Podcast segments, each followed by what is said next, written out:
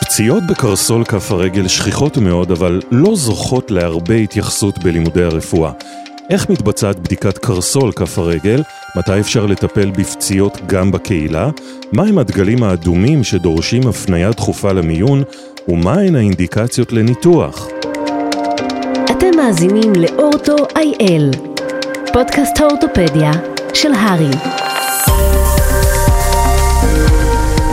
שלום וברוכים הבאים לפודקאסט האורתופדיה של הרי. אני איתי גל ובכל פרק אני מארח את מיטב המומחים שמסכמים לרופאים וגם לסטודנטים ולסטאג'רים את הנקודות החשובות בנושא כדי להתרענן בחומר ואפילו להתכונן לבחינות. הפעם נעסוק בפציעות בקרסול, ואיתי מתארח הדוקטור נתן נוני ברוק, מנהל היחידה לכף רגל וקרסול במרכז הרפואי שיבא. שלום נוני. שלום איתי. נתחיל אולי בהגדרה, כשאנחנו אומרים פציעות ספורט בקרסול, מה נכלל בכותרת הזו?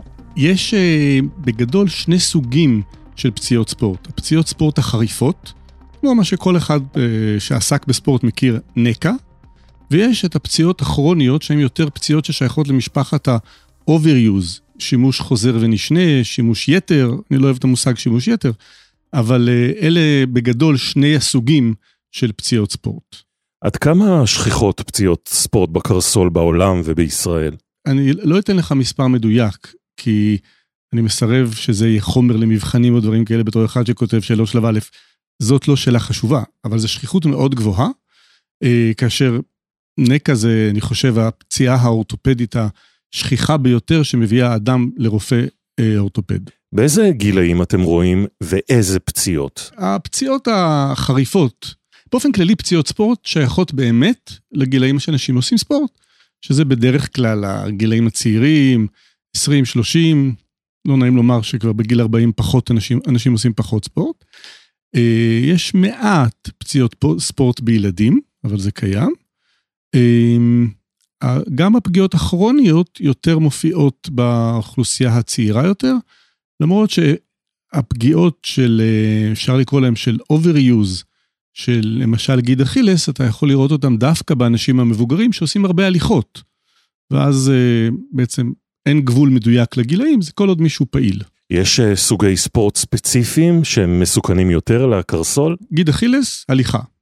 זה, שוב, אני לא יכול להגיד שזה לא ספורט ולא מסוכן, אבל זה, האנשים, זה, זה גורם אה, סיכון לבעיות בגיד אכילס.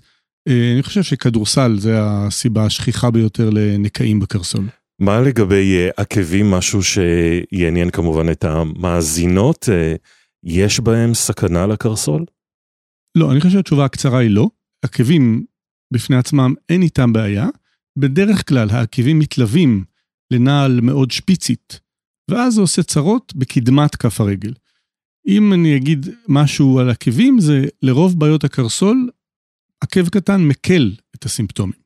מה התסמינים העיקריים של פגיעה בקרסול? החולה יתלונן על מה ומה אתה תראה אצלו? בפציעות מסוג נקע, שמה זה בעצם נקע? נקע זה מצב של חבלה סיבובית של הקרסול. בדרך כלל, כמעט תמיד, ב-99% מהמקרים, האדם דורך על הצד החיצוני של כף הרגל ואומר, איי, כאילו הקרסול בורח לו. ואז יש סקאלה שונה, של, של סקאלה נרחבת של מה זה הדבר הזה שקרה. אחד יגיד, זה קרה לי וחזרתי ללכת ולא קרה כלום. אחד יגיד, זה, קרה, זה קרה, זה כאב לי למחרת בבוקר, היה לי יותר כואב, התנפח, אבל המשכתי רגיל. אולי יום אחד, יומיים אה, נמנעתי מפעילות מאומצת, ואחד יכול לא לדרוך על הרגל מיד אחרי הפציעה הזאת. עכשיו, בזה שמה שתיארתי כשקראתי לו נקע, זה תיארתי מנגנון. מה קרה בתוך הפציעה הזאת, זו השאלה. וכשאתה שואל מה התסמינים העיקריים, מה יכול להתלונן, זה מאוד מאוד תלוי מה קרה בפציעה הזאת. הדבר השכיח ביותר שקורה בפציעות מהסוג הזה זה קרע של רצועה. וקרע של רצועה, לרוב, ב-90% מהמקרים, יחלים בלי אה, איזשהו, אה, סליחה, הפסקה.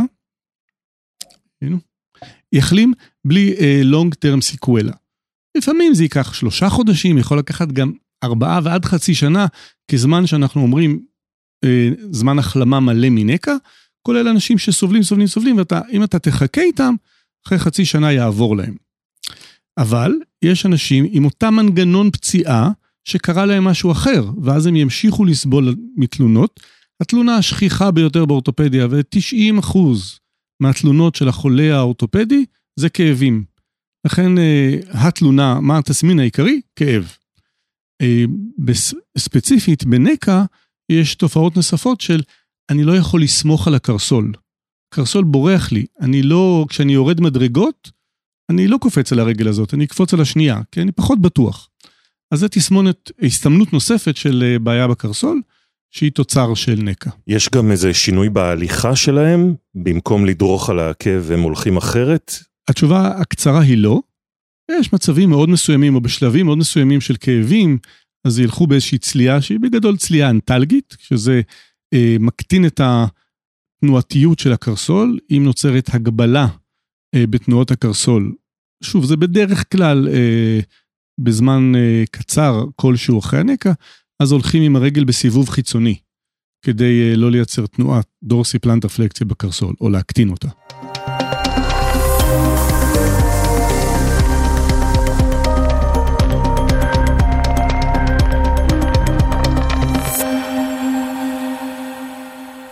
בואו נדבר קצת על הבדיקה הגופנית. מה אתם בודקים בכף רגל ובקרסול? מה אנחנו בודקים באורתופדיה? ברור, כלום. זה, האמירה על אורתופדים. אבל uh, הבדיקה האורתופדית האמיתית, יש לה שני, שתי פאזות. אחת זה בחדר מיון, בפציעה המאוד חריפה, ואחרי זה במרפאה. אז בחדר מיון, בעיקר זה איפה כואב לך, מה קרה, בעיקר ממששים, בודקים שטווח התנועה בסדר, האם האיש יכול לשאת משקל, לא יכול לשאת משקל, וכמעט תמיד שולחים לצילום, לראות אם יש משהו בצילום. ואם אין משהו בצילום, זה כמעט תמיד, אה, העיקרון של הטיפול הוא רייס. rest, ice, compression, elevation. אה, מאידך, במרפאה אתה עושה את הבדיקה היותר יסודית, וזה לא הסלקציה של אה, אשפוז ניתוח או הביתה, זה סלקציה של בוא נראה מה יש לך. ואז הבדיקה כוללת בראש ובראשונה, בוא תלך, נראה איך אתה הולך. שנית, תעמוד, עמידה. עמידה במובן הזה של לראות האם המנח תקין, האם יש איזה, למשל אנשים שיש להם נטייה. אנשים עם קשת גבוהה, זה בא בדרך כלל עם, אנש, עם זה שהם הולכים יותר על הצד החיצוני של כף הרגל. ובזה הם יותר חשופים לנקעים. אז להסתכל על העמידה הזאת, על העמידה, איך, אה, איך הם עומדים, האם יש להם סיכון לנקע. אה, דבר אחרי זה, זה טווחי תנועה. לראות האם יש טווחים מלאים, באיזה, באיזה אה, מפרק ובאיזה תנועה יש הגבלה. אה, בדיקת רגישות, ואז מופיעות הבדיקות הספציפיות. האם יש אה, לחוסר יציבות, יש מבחן מגירה, שבודקים האם יש חוסר יציבות קדמי אחורי. בעיקר הבדיקות שלנו זה לנסות לייצר את הרגישות שהאיש מתלונן עליה. נקרא מבחן פרובוקטיבי כזה או אחר, זה תלוי איזה תלונה, ואז אתה יותר יודע לכוון מה בדיקת ההדמיה שתרצה לעשות. הזכרת מקודם את אה, צילום הרנטגן, אילו הדמיות נדרשות כאן? פשוט צילום פשוט? יש הדמיות שרופא בקהילה יכול לשלוח את המטופל עד שיש תור אליכם? אני מצפה מרופא בקהילה שידע לתת את כל הטיפול, כולל לשלוח לצילום, הוא לא צריך לדעת לראות את הצילום, הצילום מגיע עם פענוח, וכל עוד אין בעיה לסיים את הטיפול. לא כל החולים האלה צריכים להגיע לאורתופד, רק מיעוטם. ולכן אה, הבדיקה הרגילה היא צילום. לאולטרסאונד, למרות השימוש המאוד נרחב של בדיקת האולטרסאונד בצה"ל, היא בדיקה לחלוטין מיותרת במצבים של נקע, וחבל, זאת אומרת, כל, כל חייל בצבא שנוקע את הקרסול עובר בדיקת אולטרסאונד שהיא מיותרת, אין לה שום יילד אה, טיפולי או אבחנתי. אה, פשוט היא מאבחנת שיש קרע ברצועה, ונקע, אם לא קרה איזשהו שבר, נקע הוא שווה ערך לקרע ברצועה, זה אותו דבר, אז אין טעם לשלוח לאולטרסאונד שיגיד קרע ברצועה. אה, הבדיקה החשובה ביותר של הרופא בקהילה צריך אה, שתהיה לו ביד, זה בדיקת CT. אדם עם פציעה מסוג נקע, שאחרי שבוע או עשרה ימים עדיין לא דורך על הרגל, חשוב שיעשה CT. כי יש המון שברים קטנים שמפוספסים בצילום, לא מסיבות uh, של רשלנות של מישהו, אלא פשוט הצילום היא הדמיה עם יכולות X. והרבה דברים יכולים להתפספס, וכאשר מישהו לא דורך מעל שבוע עשרה ימים, צריך לעשות לו CT כדי לראות אם יש שבר שדורש טיפול. השברים האלה שאתה מדבר עליהם, אלה אותם שברי הליכה שאנחנו רגילים לשמוע אצל חיילים? לא, לא. שברי הליכה, או. הם שברי מאמץ, הם שייכים לפגיעות, לפציעות הכרוניות, שעליהן עוד לא דיברנו. אני מדבר רק על הפציעה החריפה של נקע, שהיא אה, כמודל לפציעות החריפות. השברים זה, אני יכול לתת את השמות, זה שבר זיז קדמי של הקלקנאוס, שבר של הזיז הלטרלי של הטלוס, שבר אוסטרוכונדרלי אה, של הסחוס בטלוס, אה, לפעמים שברי ליס פרנק, כל הדברים האלה, אלה פציעות שמתפספסות בצילום רגיל, ו-CT יעלה עליהם וישנה לגמרי את הטיפול. מה אפשר בינתיים לתת למטופל עד לתור אליכם?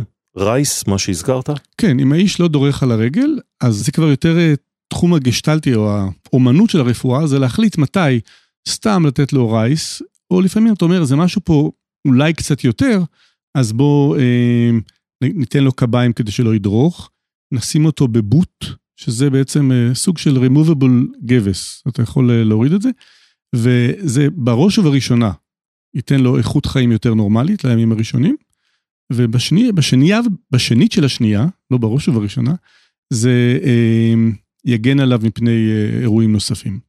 נוני, דיברת מקודם על אותם עשרה ימים שבהם החולה לא משתפר, ואז צריך לחשוב על CT, אבל יש עוד גלים אדומים שמחייבים הפניה למיון בפגיעה בקרסול כף הרגל? אנחנו נכנסים פה לסוגיה של uh, over-utilization של מיון. אני חושב שכמעט כולם לא מצריכים, גם התיאור הזה של הלא דורך על הרגל עשרה ימים, זה לא מיון. אין שום סיבה להגיע למיון, למעט אם אתה מרגיש שהקרסול שלך מתנדנד לצדדים, ולא סתם אולי קצת שבור, אלא ממש כזה פלייל, אז uh, צריך להגיע למיון. בכל מצב אחר, אפשר להגיע למחרת לרופא, בין אם הרופא הזה רופא משפחה, אורתופד, המוקד של הקופה, לא משנה איך uh, קוראים לזה. המיון הוא כרגע over-utilized לחלוטין מסיבות של uh, פינוק של האנשים. אני רוצה עכשיו לדעת מה יש לי. בוא נעבור לגיד אכילס, אם אני לא טועה זה הגיד הכי ארוך בגוף, נכון? אני חושב שהוא זוכה להיות הכי חזק בגוף, בדגל שאיתו הוא רץ קדימה. מה בעצם התפקיד המרכזי שלו? לתת עבודה לאורתופדים, אבל uh, בתור תפקיד משני הוא הגיד שדוחף אותנו קדימה. זה מה שמאפשר לנו בהליכה לצעוד כל הזמן קדימה, או לרוץ, או לקפוץ, זה הפרופלור שלנו. ומהניסיון שלך, איך הוא נקרא? גיד אכילס, אה, מה שקודם כל מיוחד בו זה שהוא נקרא ללא סימנים מקדימים. זה לא שכואב לך קודם, אתה לא יודע מה קורה, ואז פתאום הוא יקרה. האנשים האלה עם הכאבים לא קוראים את גיד אכילס. אלה שיש להם כאבים בגיד אכילס לא קוראים את גיד אכילס. גיד אכילס יקרה בזמן שאתה מנסה להאיץ, בדרך כלל בספורט שיש בו האצה, כדורסל, כדורגל, אה, דברים כאלה, אתה פתאום מנסה לרוץ מהמקום, ואז אתה מרגיש, כי מישהו נתן לך מכה מאחורה, אנשים מתארים שמרגישים שזרקו עליהם אבן, ירו עליהם חץ, כי כולנו רגילים שיורים עלינו חצים, אז הם מרגישים את אותה תחושה, ובדרך כלל מסתובבים אחורה ואומרים פאול, כי מישהו עשה לי, מישהו בעט בי מאחור, ובדרך כלל לא מוצאים אף אחד מאחורה. זה התמונה הקלאסית של קרע באכילס. האירוע החריף בלי שום סימן קודם, והתחושה שמישהו נתן לך מכה מאחור. אז בעיקר התסמין המרכזי הוא כאב. כן, זה כאב בתסמין, ואם אתה עושה, מסתכל, אז רואים נפיחות. אם אתה מהיחידי סגולה שממששים את עצמם, אז אפשר להרגיש את הקרע. זאת אומרת, אני כרופא מרגיש את הקרע, אנשים בדרך כלל נוטים לא למשש את המקומות האלה, אז הם לא מרגישים את זה, אבל כשאני נותן להם להרגיש, אז אנשים מרגישים, זה לא משהו שהוא מסובך להרגיש. יש מצב שהוא קדם קרע או קרע חלקי בגיד אכילס? יש את הטרמינולוגיה הזאת קרע חלקי, אה, אבל אין קדם קרע. זאת אומרת, אין פרודרום לקרע בגיד אכילס. זאת אומרת, נדיר, נדיר, נדיר שלאנשים כואב, ואחרי זה יקראו את גיד אכילס. זה אפילו, הייתי אומר, סימן שמשהו מגן עליהם, זה שכואב להם, כנראה. כי אז הם יימנעו מהפעילות הספורטיבית, לא מאיזושהי סיבה אחרת. הקרע אה, חלקי זה להבנתי, וזה נושא שהוא לא מוסדר באורתופדיה, זה אה, קרע כרוני בגיד אכילס, שזה יותר, זה תהליך דגנרטיבי, ולא תהליך אה, חריף שקורה טראומטי, אלא זה חלק מתהליך דגנרטיבי של גיד אכילס, שבו גיד אכילס, שמורכב מהרבה מאוד סיבים, פשוט יש קרעים של חלק מהסיבים. זה לא קרע של גיד אכילס. גיד אכילס בגדול הוא כמו אה, מיתר, ומיתר לא יכול להיקרע בחלקו, הוא פוקע. אם הוא נקרע, הוא נקרע. יש אנשים שהם אה, יותר בסיכון לקרע של גיד אכילס, חוץ מספורטאים? לא, לא, דווקא לא ספורטאים. האוכלוסייה בסיכון זה אנשים בני 30-40, שהכותרת האמריקאית שלהם, שאני חושב שגם אנחנו כבר יכולים להשתמש בה, Weekend Warrior. אנשים שלא עושים ספורט, רק בסוף שבוע עושים קצת ספורט. זאת האוכלוסייה שקורעת את גיד אכילס. מי שמתעניין בספורט רואה שגם uh, זה פציעה של ספורטאים בשלהי הקריירה שלהם. זה בדרך כלל כמעט, כמעט, לרוב, uh, פציעה מסיימת קריירה. רגע, לפני שתדבר על הטיפול, יש כאן מקום להדמיה מן הסתם. אולי, שאלה טובה. היום uh, כמעט כל האנשים עם קרע חריף בגיד אכילס עוברים אולטרסאונד. לדעתי זה מיותר, כי גיד אכילס הוא ממש מתחת לאור. אפשר למשש הכל, אפשר למשש כמה יש לך מעבר לקרע, כמה יש לך לפני הקרע, מה גודל המרווח, הכל אפשר למשש עם האצבעות. זה גם לא, זה גם לא כואב. אם מחכים כמה ימים זה כבר נהיה יותר קשה, כי יש שטף דם וקצת נפיחות, אבל בהתחלה זה ממש קל uh, לעשות את זה, אבל אנשים נשלחים לבדיקות הדמיה, לבדיקת אולטרסאונד. רופא בקהילה שעכשיו אה, שומע אותך וחושד בקרע בגיד אכילס, מה יכול לעשות עם המטופל? קודם כל, אני רוצה שיגיע לרמה שבה הוא לא חושד, אלא יודע. וזה בעזרת אה, שני דברים, חוץ מאשר המישוש, יש אה, מבחן אה, שנקרא מבחן תומסון, כאשר החולה, המטופל, האדם, הספורטאי, שוכב על המיטה על הבטן, עם שתי הברכיים, עם שתי הרגליים ישרות, כאשר הכפות רגליים מחוץ למיטה, ולוחצים, מקווצ'צ'ים לו את הסובך, וכאשר גיד אכילס המשכי, אז כף הרגל זזה, וכאשר גיד אכילס קרוע, היא לא זזה. וככה ניתן לאבחן בבדיקה פיזיקלית בקלות. אה, מה הוא צריך לעשות אז? להפנות לאורתופד. כי הטיפול הוא טיפול אורתופדי, לא כי הוא מסובך, אלא למשל, זה משהו שהשתנה בחמש שנים האחרונות. הספרות אה, גרמה לשינוי מוחלט בטיפול. הטיפול הקלאסי לאורך הרבה מאוד שנים היה ניתוח פתוח לתפירת הגיד. ואני חושב שזה נכון לומר שזה עדיין הטיפול הספורטאי אמיתי. זאת אומרת, ספורטאי שהספורט הוא משמעותי בחייו, בין אם הוא עושה את הספורט אה, כדי להרוויח כסף, ובין אם הוא עושה את זה כי זה ממש חלק משמעותי מהחיים שלו, אז uh, ניתוח יהיה הטיפול הנכון. היום הראו בלא מעט עבודות שטיפול שמרני הוא uh, טיפול שנותן תוצאות as good as ניתוח.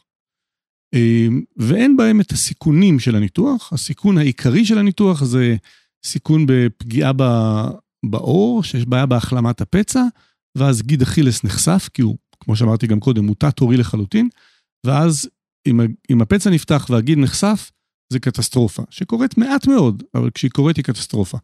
לכן אנחנו, אם יכולים, וגם החולים רוצים, אם אפשר טיפול שמרני, אז טיפול שמרני. איך זה מסתדר מבחינה לוגית? הרי הגיד קרוע. אני היום נוהג להסביר את זה לחולים בצורה שנראית לי נורא קלה.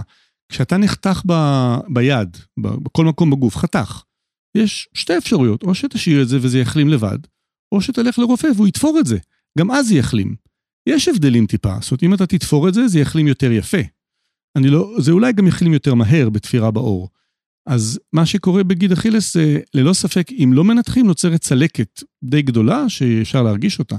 אבל אה, אני חושב שכולנו יודעים שאנחנו, בני אדם, אה, בין לא משנה מי יצר אותנו, נוצרנו עם יתירות.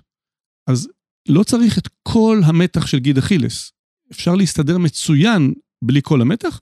כן, אם אתה ספורטאי, ירידת המתח של גיד אכילס בגלל שטיפלת בזה שמרנית, תגרום לירידה בפרפורמנס. אתה תוכל, אתה תרוץ יותר לאט, אתה תקפוץ פחות לגובה, אבל לרובנו זה אין לזה משמעות. מה לגבי PRP?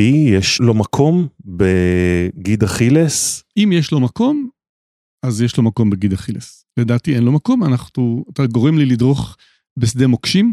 אה, אני חושב שאני מאוד אהיה הוגן ואומר שאין שום ספרות שמראה יתרון לזריקות PRP. ספרות אובייקטיבית, סליחה.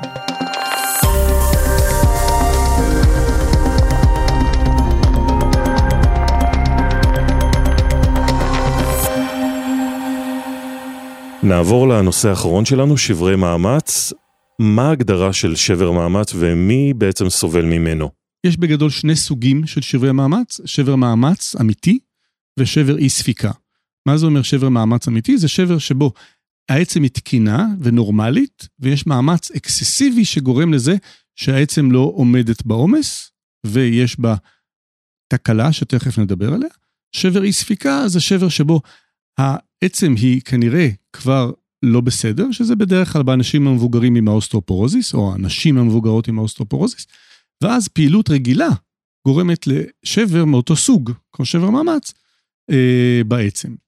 עצם, למרות התדמית שלה, היא איבר חי, שיש בה הרס ובנייה, הרס ובנייה, והתהליך של ההרס והבנייה הוא מותאם למאמץ. ככל שיש יותר מאמץ, אז יש הרס ובנייה מוחשת כדי לעמוד אה, בעומס המתגבר.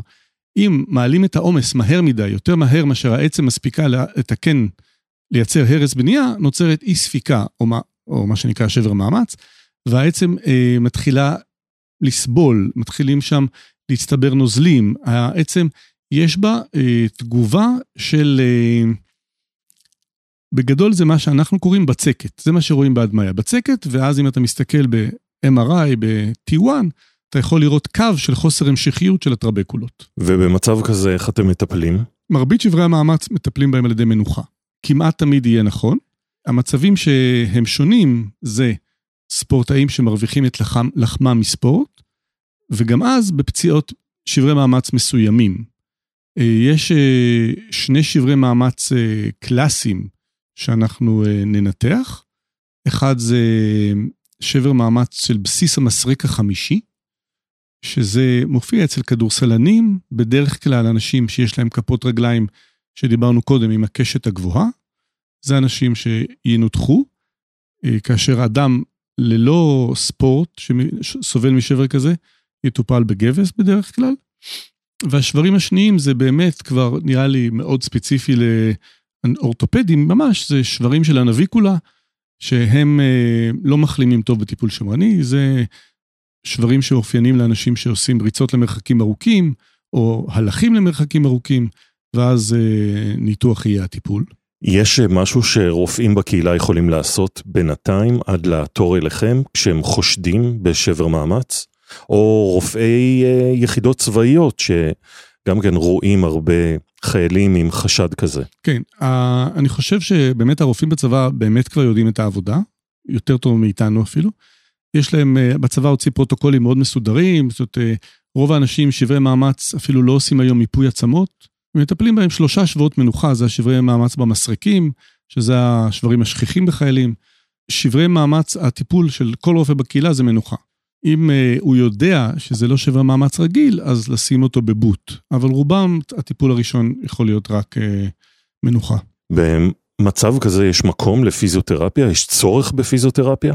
Uh, באופן כללי, uh, להבנתי, בשלב ההחלמה אין מקום לפיזיותרפיה, כי המקום שם הוא מנוחה, יבוא הפיזיותרפיסט ויגיד, התפקיד שלי זה לשמור על הגמישות של האיברים בזמן שהוא נח.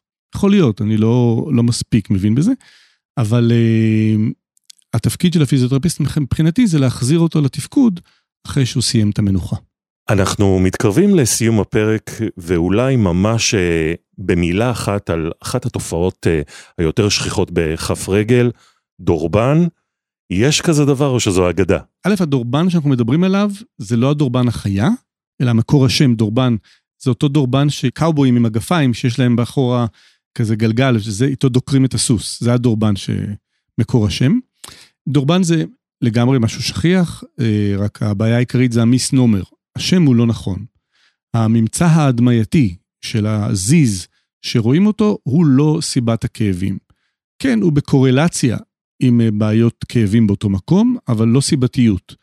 זאת אומרת, אה, הבעיה היא איזושהי מחלה, מצב דגנרטיבי, אני לא רוצה להגיד דלקת, כי אם עושים ביופסיות אין שם תאי דלקת. אבל יש תהליך דגנרטיבי של הרקמה של תחתית כף הרגל, שהשם שלה הוא פלנטר פסיה, ולכן התהליך הניווני הזה נקרא פלנטר פסאיטיס, וזה השם המקצועי של אותה תלונה של האנשים שאומרים, יש לי דורבן. לעתים יש הסתיידות באותו מקום שבו יש את התהליך הניווני, וההסתיידות הזאת היא מה שרואים ברנטגן כדורבן, אבל היא לא הסיבה והיא לא הטיפול, היא בקורלציה עם הבעיה. המסר העיקרי הוא, הכאבים יעברו, הזיז יישאר, תוציא את הזיז, עדיין הכאבים יכולים להישאר. אין, אין מתאם ביניהם. אה, בספרות אה, כתוב אה, שזמן החלמה הוא בערך עד שנתיים, זה נכון? כן, זה, זה מה שצריך לדעת. צריך לדעת ש-95% מהאנשים יחלימו. ואחרי זה צריך לדעת שזה יכול להיות מאוד טורדני, כן, עד שנתיים. והטיפול השמרני, כי יש המון הבטחות. יש גישה שאומרת כן לתת ניסיון ב-NSAIDs לעשרה ימים, יש מכונים שמציעים גלי הלם, יש פיזיותרפיסטים שמציעים את שלהם, מה באמת עובד? אני אשתמש באנלוגיה מרפואת הילדים, אה, מה הטיפול הכי טוב לגזים לתינוק. זה תמיד התרופה האחרונה שנתת לו, כי זה עובר במילא. אז אה, אותו דבר בדורבן, זה יעבור, אז אם עשית לפני זה גלי הלם, אז הגלי הלם הביאו לזה. אבל לא, הדבר היחיד שמוכח רפואית, שמקצר את משך המחלה, זה תרגילי מתיחות. שם המקצועי זה מתיחות אקסנטריות, זה מה שצריך לעשות, זה הדבר היחיד שמוכח כמקצר. NSAIDs ללא ספק מקלים בזמן שלוקחים אותם, אבל אין להם שום מרכיב ריפואי. אה, והליכה על משהו רך היא פחות כואבת מאשר ללכת על משהו קשה, אבל היא לא טיפולית. ויש את הקטע הזה של לגלגל את הרגל על בקבוק קולה עם קרח וכאלה, אז זה גם, זה נעים, אבל זה לא קשור לריפוי, זה רק יותר מקל על הכאב. זהו, אנחנו הגענו לסיום הפרק, אולי תגלה לנו למה בחרת דווקא להתמחות בקרסול וכף רגל? זה לא אני בחרתי, זה זה בחר אותי. כן. אה, האמת שהסיבה שאני הלכתי לזה, מעבר לכל מיני עניינים פרוזאיים שנוצרו במהלך חיי, זה שזה התחום הכי צעיר באורתופדיה, ויש שם הכי פחות ידע והכי פחות בהירות, וזה ממש תחום שצומח ואנחנו לומדים אותו. בניגוד לתחומים אחרים שהם כבר תכונים עד דק. ואכן, גם חידשת לנו הרבה. אז תודה רבה לך, דוקטור נוני ברוק, על שהתארחת בפודקאסט. אנחנו מזמינים אתכם להאזין לכל הפודקאסטים הרפואיים שלנו בהארי. אנחנו מקווים שהיה לכם מעניין, ונתראה בפרק הבא.